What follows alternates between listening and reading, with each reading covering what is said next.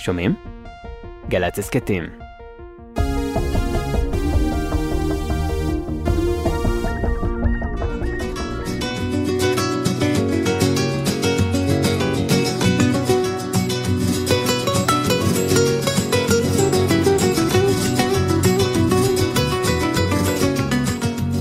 ערב שבת שלום, אנחנו בשש בשישי בגלי צה"ל.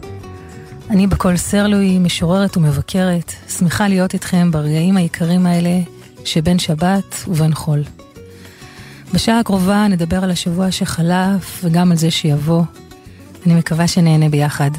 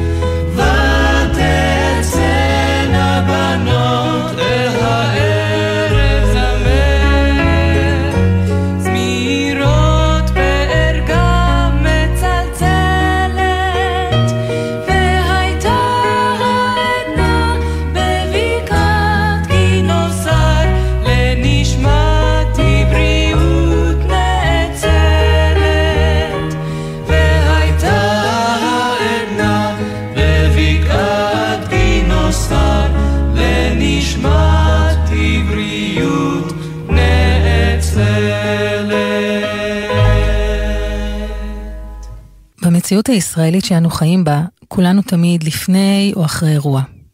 פיגועים, אסונות ושברים משאירים אותנו מוכים וחסרי מילים. כמו אבן נזרקת במי המציאות הישראלית, מכים בנו השכול והכאב ומעגלי אדוות מהקרוב אל הרחוק. והשבוע הוכינו. הוכינו בפיגוע בעלי, הוכינו במהומות של אזרחים יקרים, הוכינו עוד ועוד. במצבים כאלה אני מחפשת מילים, משהו שלא יהיה חלק מהשפה הקבועה. ומצאתי משהו מחוכמתו של חתן פרס ישראל, הרב עדין אבן ישראל שטיינזלץ, שנפטר לפני כשלוש שנים. את הסיפור הזה מספר יואל שפיץ, תלמידו, בספר היפה שכתב עליו, סיפור טוב מתחיל מהאמצע. וכך הוא כותב: שנות הנעורים שלנו טבעו בטרור ובדם. בזמנו, המחנכים שלנו והמבוגרים בחיינו בכלל כאילו איבדו את הלשון. לא זכור לי או לחבריי שמישהו דיבר או הכווין או הדריך. גם שיחות של רבנים שנישאו לרוב בלוויות לא זכורות לי במיוחד כדבר שנותן מוצא. לעומת זאת, מאותן שנים נותר לי כהד כמעט בודד דברים שהרב עדין היה חוזר עליהם שוב ושוב. וכך היה אומר. זה דבר מעניין שבשום מקום לא מופיע שאסור לכעוס על הקדוש ברוך הוא, ולא כל שכן להתלונן או לבכות לו. להפך, ראוי לבכות. הקדוש ברוך הוא לא בסגנון אותם אנשים אכזריים שמכים מישהו ואומרים לו לא לבכות. הוא מכה, זה נכון, אבל מותר לבכות ולהגיד לו די. ועוד דבר היה מוסיף הרב הדין. אם תעיינו שם, בספר שנוגע בעניין הזה, ספר איוב, אתם תראו שאיוב בא בטענות לקדוש ברוך הוא. הוא אומר לו שוב ושוב שהוא לא יכול שלא לכעוס עליו. שהוא מוכרח להיות כן ולבוא אליו בטענות. ובאמת יש שם רשימה ארוכה ומפורטת של הטענות שלו שאינן קלות.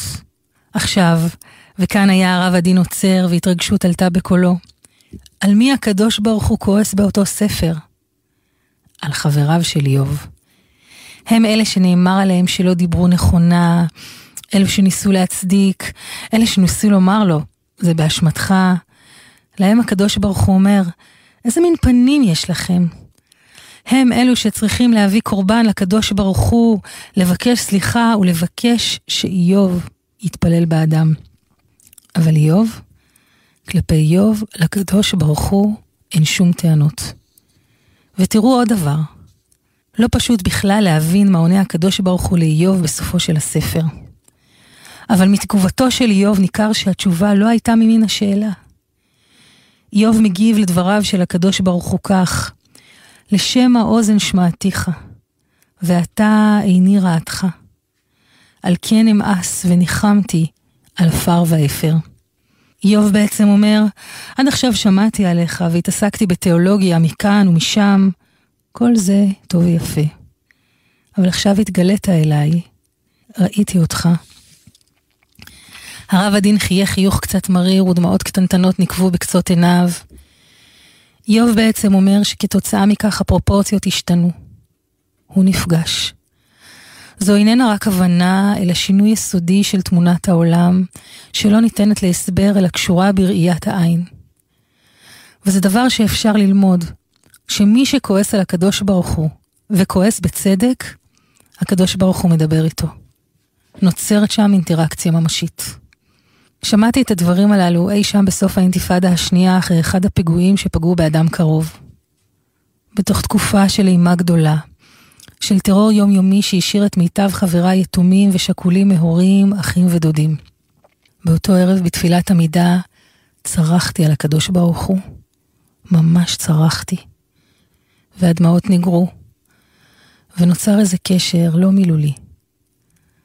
נוצר אפיק לדיבור.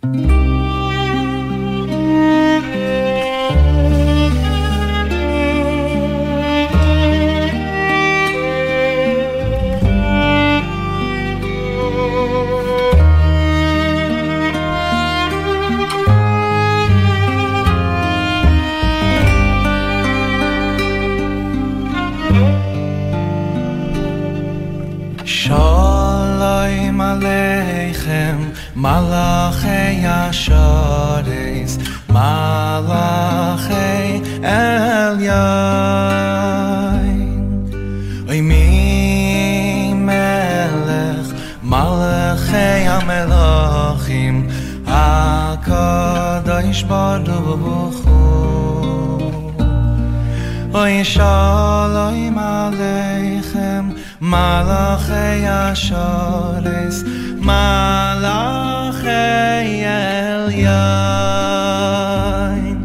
אוי מי מלך מלכי המלוכים, הקדוש ברוך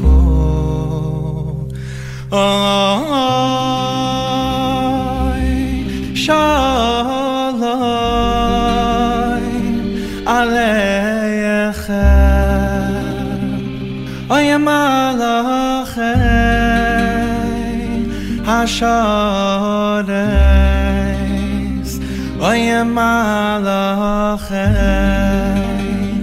eleyoi mimelech malchei amlochim הקודש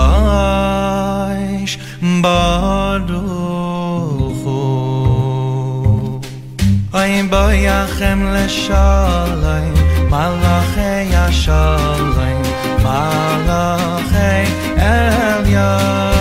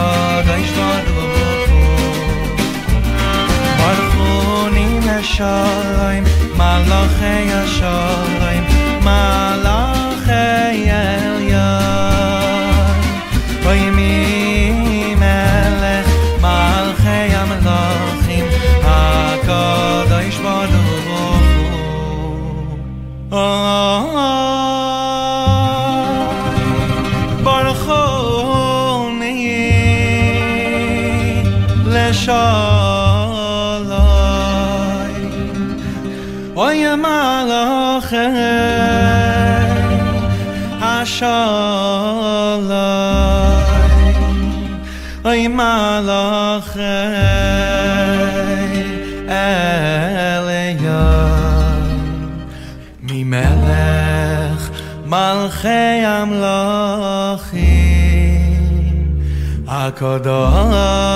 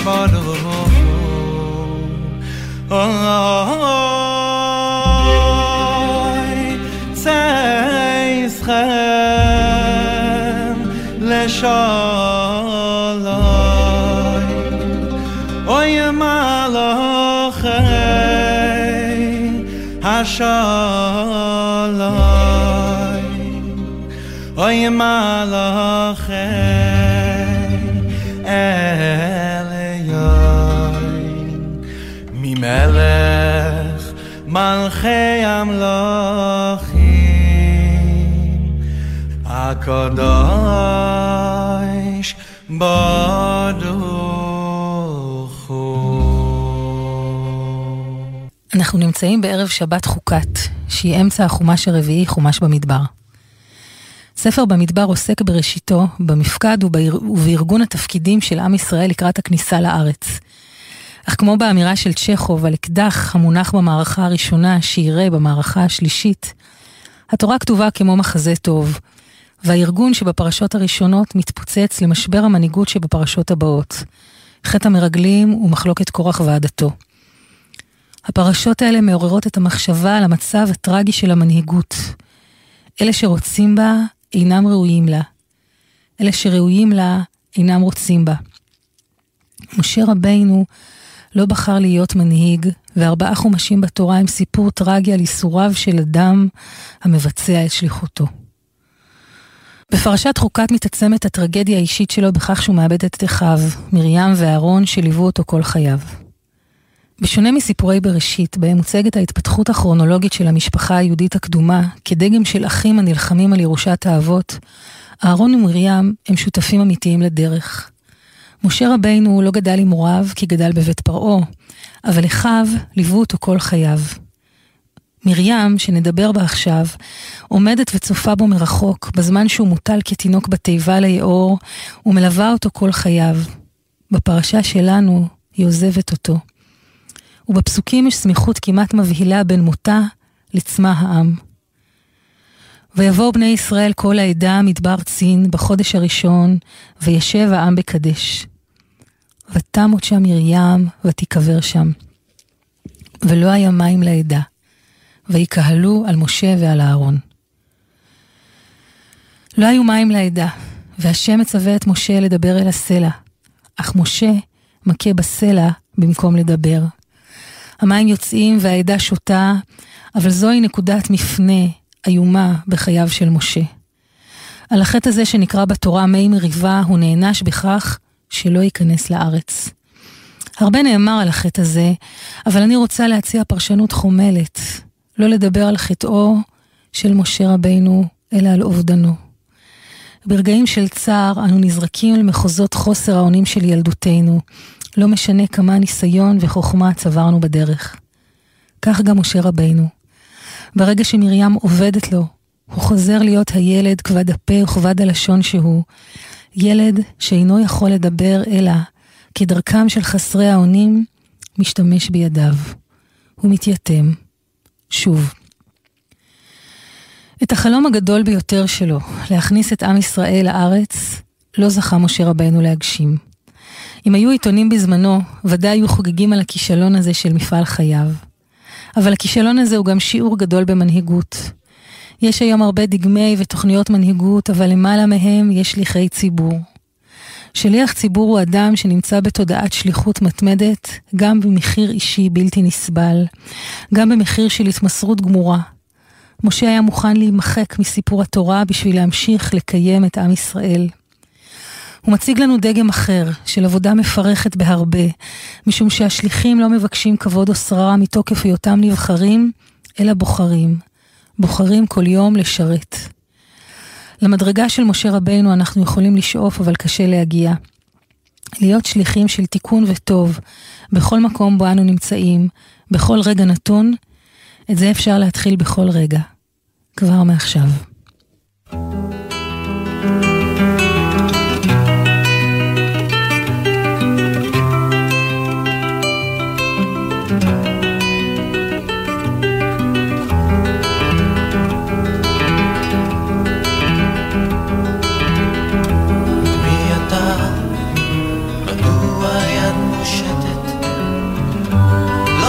פוגשת יד אחות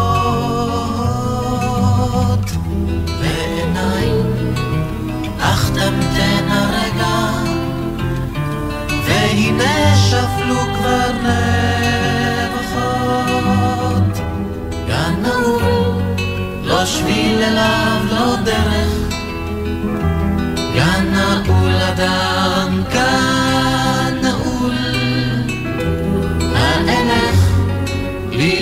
אוהקה בסלע, עד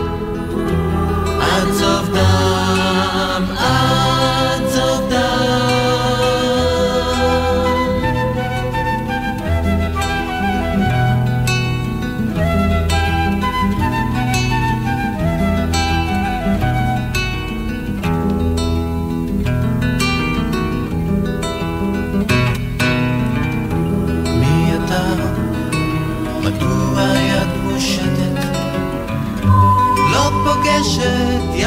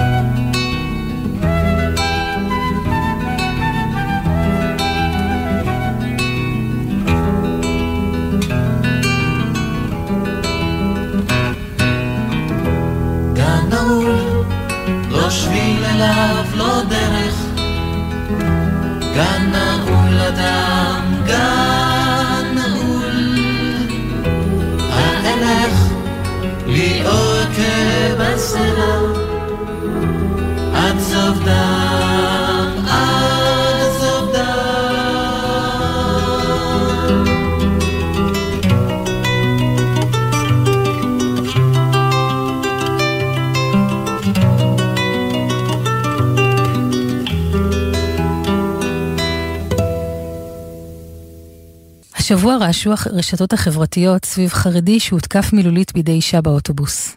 כולם דיברו, ובצדק, על הצורך שלא לשפוט אדם לפי חזותו ועל הכאב הציבורי האמיתי שעומד בבסיס התקרית הזו.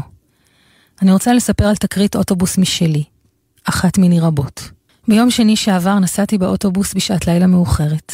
עליתי במחלף חמד על קו 615 המוביל מירושלים לעיר בית שמש, בה אני גרה.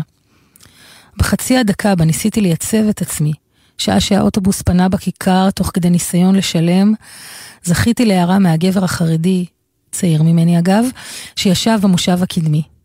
הוא ביקש שאעבור אחורה. הוא לא הבחין בזה שאני מנסה לשלם, שאיני יכולה להתקדם. הוא אפילו לא חשב על זה שיש מספיק מקומות פנויים. הדבר היחיד שהפריע לו זה שיש אישה במרחב שלו. זו מציאות לא מספיק מדוברת, אותה פוגשות נשים מדי יום, בכל גיל, מכל השתייכות מגזרית.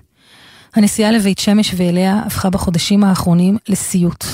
את בתי בת ה-14 הקימו לפני שבועיים ממקומה ודחקו אותה למושבים האחוריים. קמפיין שמסתובב כרגע ברחוב החרדי מבקש ליצור מחדש מציאות אותה אסר בג"ץ, בה קיימים קווי אוטובוס המכונים מהדרין. בהם מתקיימת למעשה, גם אם לא להלכה, המציאות של גברים מקדימה, נשים פנימה. אף אחד כמובן לא מדבר על חוסר הצניעות בכך שאישה עוברת בתוך מרחב מלא גברים. אבל האמת היא שהצניעות אינה העניין כאן, וגם לא ההלכה. כאישה שומרת מצוות אני מחויבת בעצמי להלכה ומכירה אותה, ויודעת שאין שום דרישה הלכתית כזו.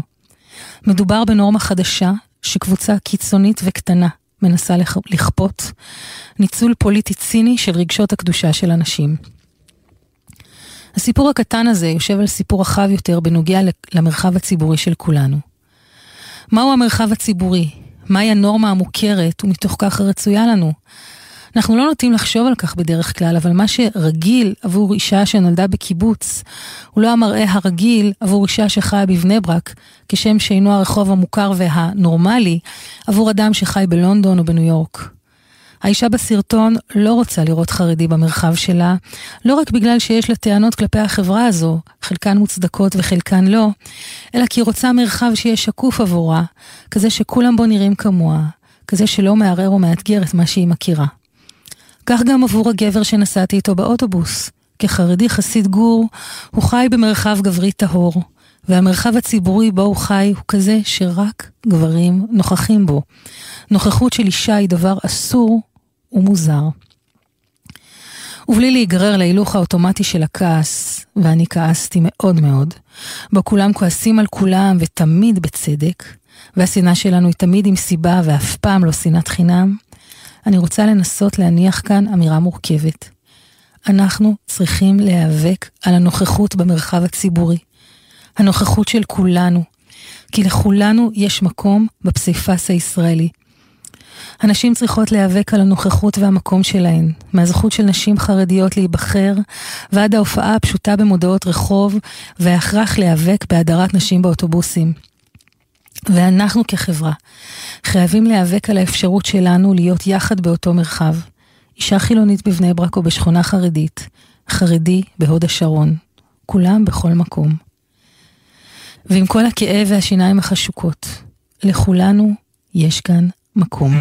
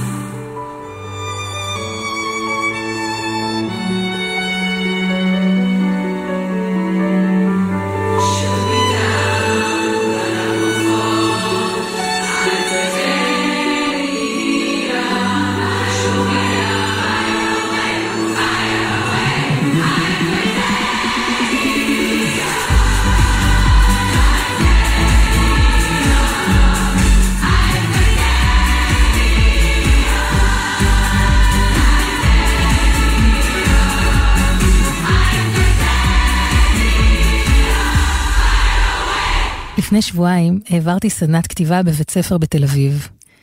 כשנכנסתי לכיתה והוצגתי כמשוררת, אחד התלמידים שאל, מה, יש היום משוררות חיות? לא כולן מתו? מבחינת תלמיד י"א, רחל המשוררת, זלדה, דליה רביקוביץ' ולאה גולדברג, הן כולן משוררות גדולות ומתות. המחשבה על כך שיש משוררים חיים הייתה לא מוזרה.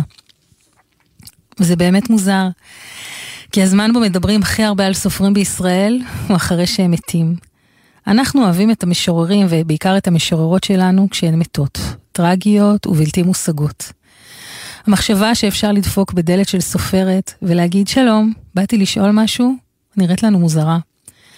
אז אנחנו אוהבים את היוצרים שלנו מתים, אבל מעמידה בדוכני שבוע הספר אפשר לראות שהספרות חיה מאוד. חיה וגם קצת מקרטעת, אולי גם כואב לה הראש. שבוע הספר מלא וגדוש, ואיזה כיף לראות משפחות ויחידים מסתובבים עם שקיות עמוסות. ואת אלה שחוזרים יום אחר יום, ואת אלה שמוכנים שכל השנה יהיה שבוע הספר, כי עד כדי כך הם אוהבים לקרוא. ויחד עם זאת, אלה זמנים לא קלים לספרות המקור. דוכני השירה מתכווצים וההוצאות מקצצות.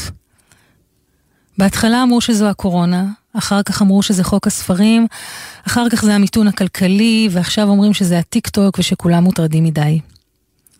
ובאמת, קשה לפתוח ספר ולהתמסר ל-400 עמודים של סיפור או משורר חדש. בעידן של נטפליקס אנחנו מתרגלים לכך שמעניקים לנו מוצר, קצת כמו המבורגר ברשת מזון גדולה. אנחנו יודעים מה הטעם ואיך הוא ייראה ובמה הוא ארוז, אנחנו יודעים מה המנה כוללת. רוב התרבות שאנו צורכות היא כזו, מוצר שנוצר במיוחד כדי להתאים לטעמנו. אין לי התנגדות לכך. אני עצמי נהנית לפעמים ממזון מהיר או ספרות אינסטנט, כזו שאני יודעת בעמוד השני או בעשר הדקות הראשונות של הצפייה, מה סביר שיקרה בפרק האחרון של הסדרה או הספר. זה ממש בסדר. אבל מגיע גיל בו אנו צריכים להתחיל לחשוב ברצינות על התזונה שלנו, מטעמי בריאות, כבוד עצמי או התבגרות של טעם.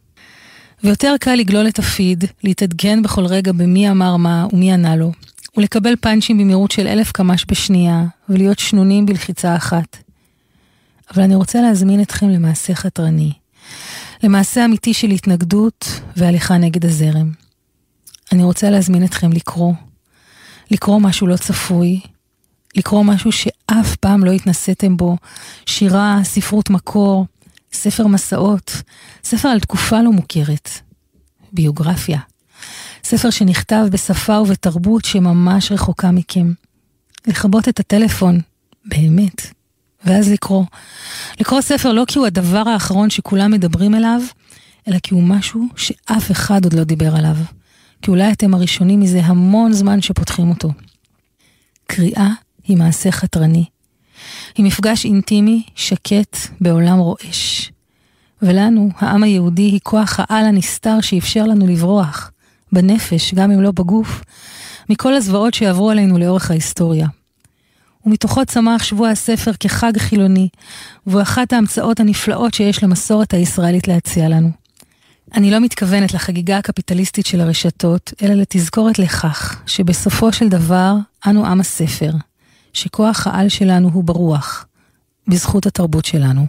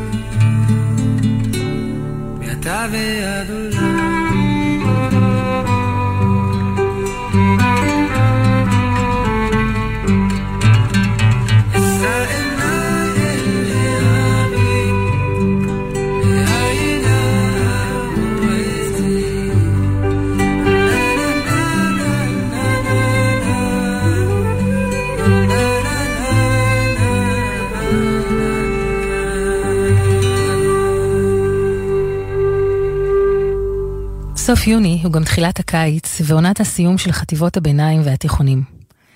זהו זמן עמוס מאוד, זמן של סיומים והתחלות חדשות. זמן של מסיבות סיום, ובמקביל שגרה שנותנת גז לפני הקיץ, לפני החופש הגדול.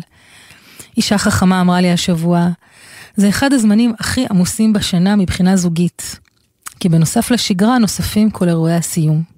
לא פשוט. וזה זמן עמוס מאוד גם במרחב הציבורי. הכותרות מתחלפות כל כך מהר, עד שברגעים שאני מקליטה את התוכנית הזאת, ביום חמישי בבוקר, איני יודעת אם היא תשודר, ומי יודע בכלל מה יהיה עד אז. והמרחב שלנו עכור ורועש בגלל ההוא שאמר את זה, וההוא שענה לו, ומה שהם עשו.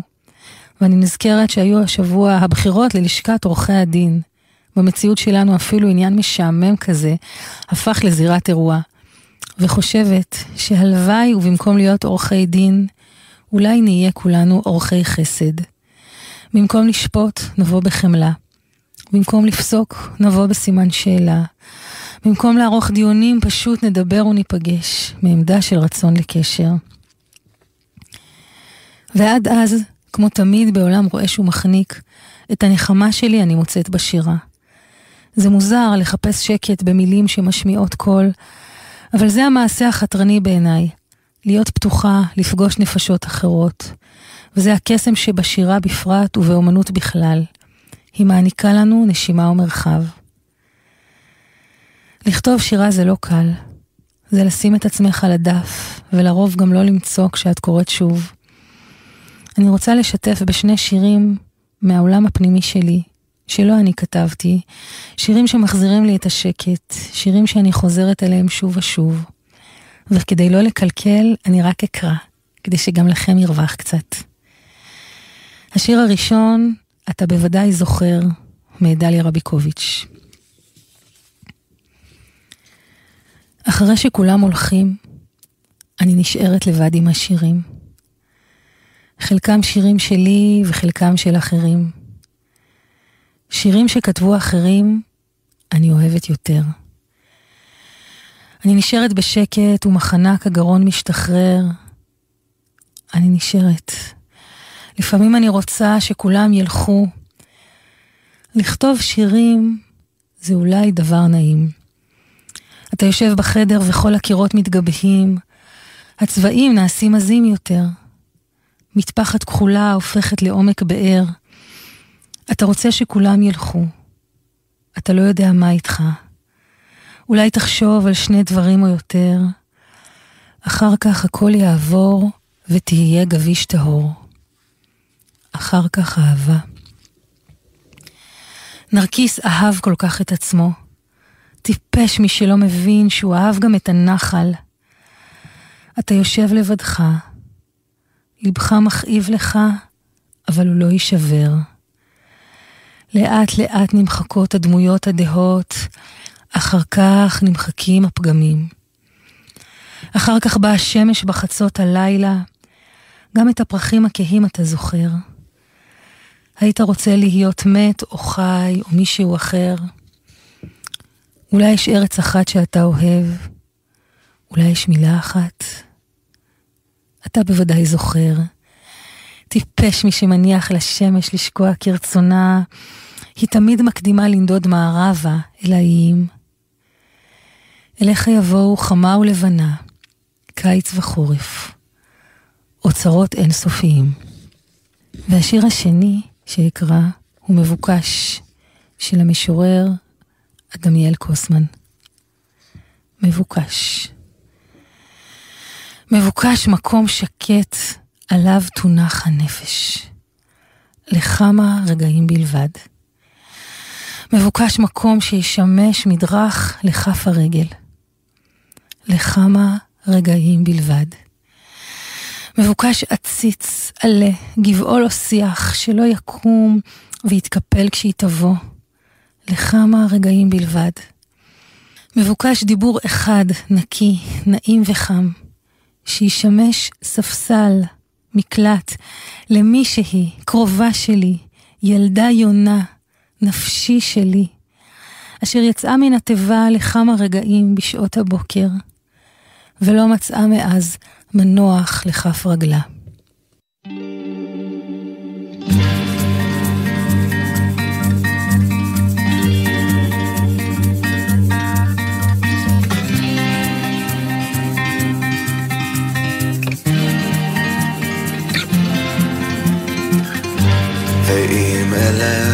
מבית אבי, אבוא בשערייך, ריחות פריחת העדרים, אזכור את כל שדותייך, ממערות שעל ליבך, תאירי את זרעייך, אל אדמתי אילן שתול, על פלגי מים. ומה נשאר? אולי ניסים, אולי יונה תגיע. אולי מילה מהמרומים אותי תפתיע, ובכרמים הענבים רוקמים חיים בשמש. על מה נשב ונאסף מול ים שוטף נשמת אפך וחמתך, פרחים בשמי הקיץ. שמחת החג התבודדה, ראשי רוצה רק מים. ובעיניי עם הדמעות, אשמח יומם וליל, אל מחבואי שם בפרדס, אולי אמצא לי בית. ומה נשאר? אולי ניסים, אולי יונה תגיע. אולי מילה מהמרומים אותי תפתיע. ובכרמים הענבים עוקמים חיים בשמש. על מה נשב ונאסף מול ים שוטף אולי כוכב, אולי שופר ישמיע. למדני על כל השמשות, בסוף נגיע ובגשמים. העננים שצפי כל מעברייך שובם של כל המלאכים, יזהר רקיע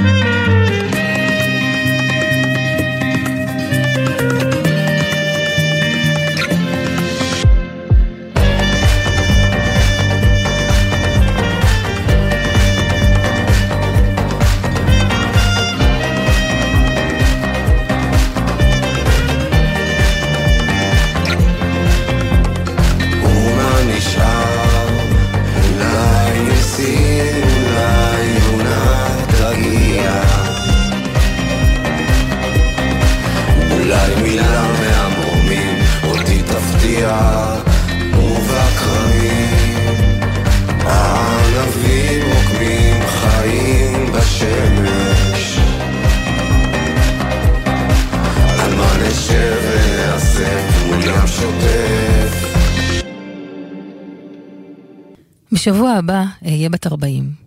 נולדתי ב-20 ביוני 1983, ט' תמוז, תשמ"ג. יום ההולדת הלועזי שלי כבר עבר, את העברי אחגוג ברביעי הבא. בדרך כלל ימי הולדת עוברים עליי בשלווה יחסית, אבל כאן אני מתרגשת ואולי גם חרדה. מה זה אומר להיות בת 40? האם עברתי כבר את מחצית חיי? האם אני מתקרבת לזקנה והמוות? והכי חשוב, מה עשיתי עד כה ומה אני רוצה לעשות מכאן? אמא שלי אומרת שבגיל הזה נרגעים קצת. אני לא יודעת אם אי פעם זה יקרה לי. אני מאחלת לעצמי אולי להיות יותר שלווה, אבל שהרצונות שלי יתחזקו. לחיות לא מתוך אינרציה, אלא מתוך רצון עמוק, בתודעת שליחות. לעשות כדי לעשות טוב בעולם. נולדתי בחודש תמוז. אני שונאת את הקיץ ואת החום ותחושת האימה המתקרבת אל הלב כשמגיע החודש בו מתחילים הצומות וימי בין המצרים. אבל אני מזכירה לעצמי שזהו גם זמן של נחמה. בחסידות אומרים שהשם תמוז, שקרוי על שם האל הבבלי בעל השם הזה, הם גם ראשי תיבות זמני תשובה משמשים ובאים. אני אוהבת לחשוב על תשובה לא רק בהקשר הדתי המוכר שלה, אלא כאפשרות להתקרבות, להיות טובה יותר לעצמי ולאחרים. אולי זו מחשבה יפה לקראת גיל 40 שעוד מעט מגיע. עכשיו הזמן להתחיל. בגיל הזה רבי עקיבא התחיל ללמוד תורה, וג'יין אוסטן החלה לחבר את הרומן האהוב עליי מבין ספריה, הטיית לב. ואולי לא רק גיל 40 הוא הזמן להתחיל, אלא כל רגע. רגע לפני השבת, אני רוצה לקרוא שיר שכתבתי לפני כעשור, כשהייתי בת 30 בערך, מתוך ספרי השני, סכין שלופה אור, שיצא בהוצאת הקיבוץ המאוחד. בשירת ימי הביניים יש ז'אנר הנקרא שירי תוכחה, בהם המשורר מוכיח את נפשו על רדיפתה את אבלי העולם הזה. השיר שאקרא מדבר על חוויה דומה, אבל מבקש להציע חמלה. עשר שנים עברו מאז על הגוף, אבל הנשמה עדיין מתפללת, מבקשת, מתייסרת, כמו מנגינה פנימית שמבקשת שנאזין לה. ואולי זה הלימוד הגדול מהימים האלה. למצוא מקום שקט. להקשיב למה שלא נאמר. לערוך חסד וחמלה. אל הנשמה. שלושים שנה את נגררת אחריי, שרשרת מרגלו של עבד. שקטה ובוכייה כילד שהסתגל לייאושו, את מלמדת אותי להביט בלובן האשמה ולהתעלם מקולות הלילה. כמה זמן אני איתך, ואני רדופה אחר הגוף, אחר המתכלה. בחשבונייה של חיי אני מוחקת את כל האפסים, לכמה כובד אזדקק שלא לשאת אותך, ותמיד את כבדה יותר. כמה זמן תישארי סוחבת את הגוף כלהבה את שאהבת הנר, קלה ומתכלה, קלה אך לא קלה, שאין לך שיעור. מותשת, אני מבקשת שתניחי לי, שתפרצי רק בשעות התפילה המסודרות. הרי לימדנו את התינוקות לבכות רק בשעות האכלה. ומה לך בשעה הזו, רבע לפני חצות? מה לך, מתפתלת, אדומת פנים בין ידיי, בוכה בשפה שאין לה שם, שאין מילים, ולעולם לא יהיו. גדולה מתפילותיי אני אוחזת בך שתלמדי אותי להמשיך לבכות עד שיהיה לי מחבק, עד שימלא החלל, עד שימלא. תודה שהייתם איתי. את התוכנית ערכה משי אלמקייס, טכנאי אור מטלון. אני הייתי בקול סרלוי.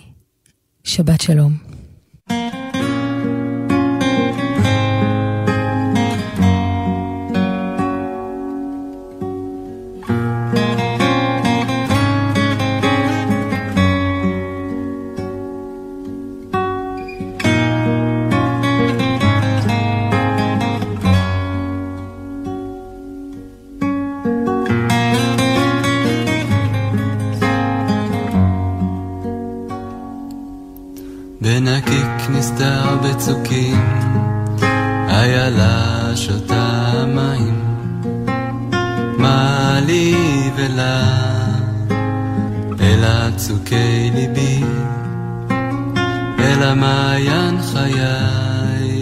אל הנסתר.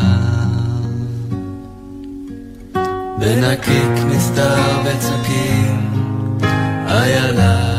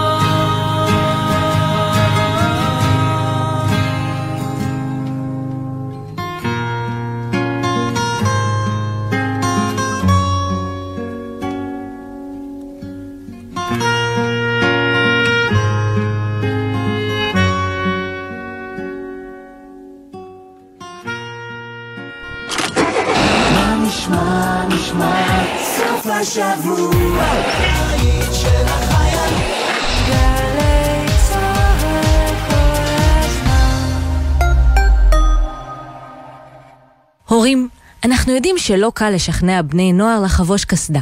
אבל אתם יודעים מה יהיה קשה יותר? לשבת מול רופא שמספר לכם על פגיעת הראש של הילד שלכם. רכיבה על אופניים חשמליים וגלגינוע, קורקינט חשמלי, מותרת מגיל 16, ורק בחבישת קסדה שמוצמד אליה מחזירור. קסדה מקטינה ב-50% את הסיכון לפגיעת ראש. עם הראש לא משחקים, על קסדה לא מוותרים. עוד מידע על רכיבה בטוחה על כלים חשמליים? היכנסו לאסקרלבד.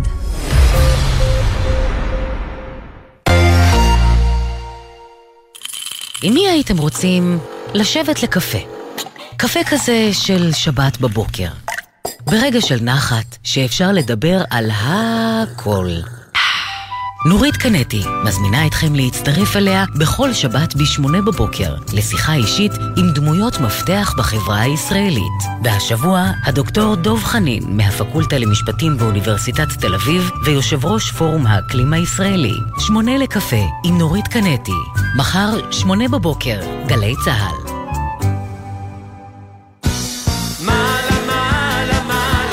מעלה מעלה, מופע מחווה למלך הפופ צביקה פיק.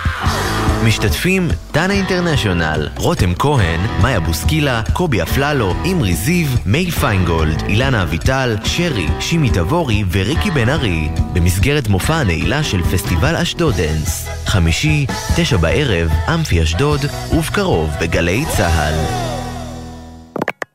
מיד אחרי החדשות, ליאור פרידמן.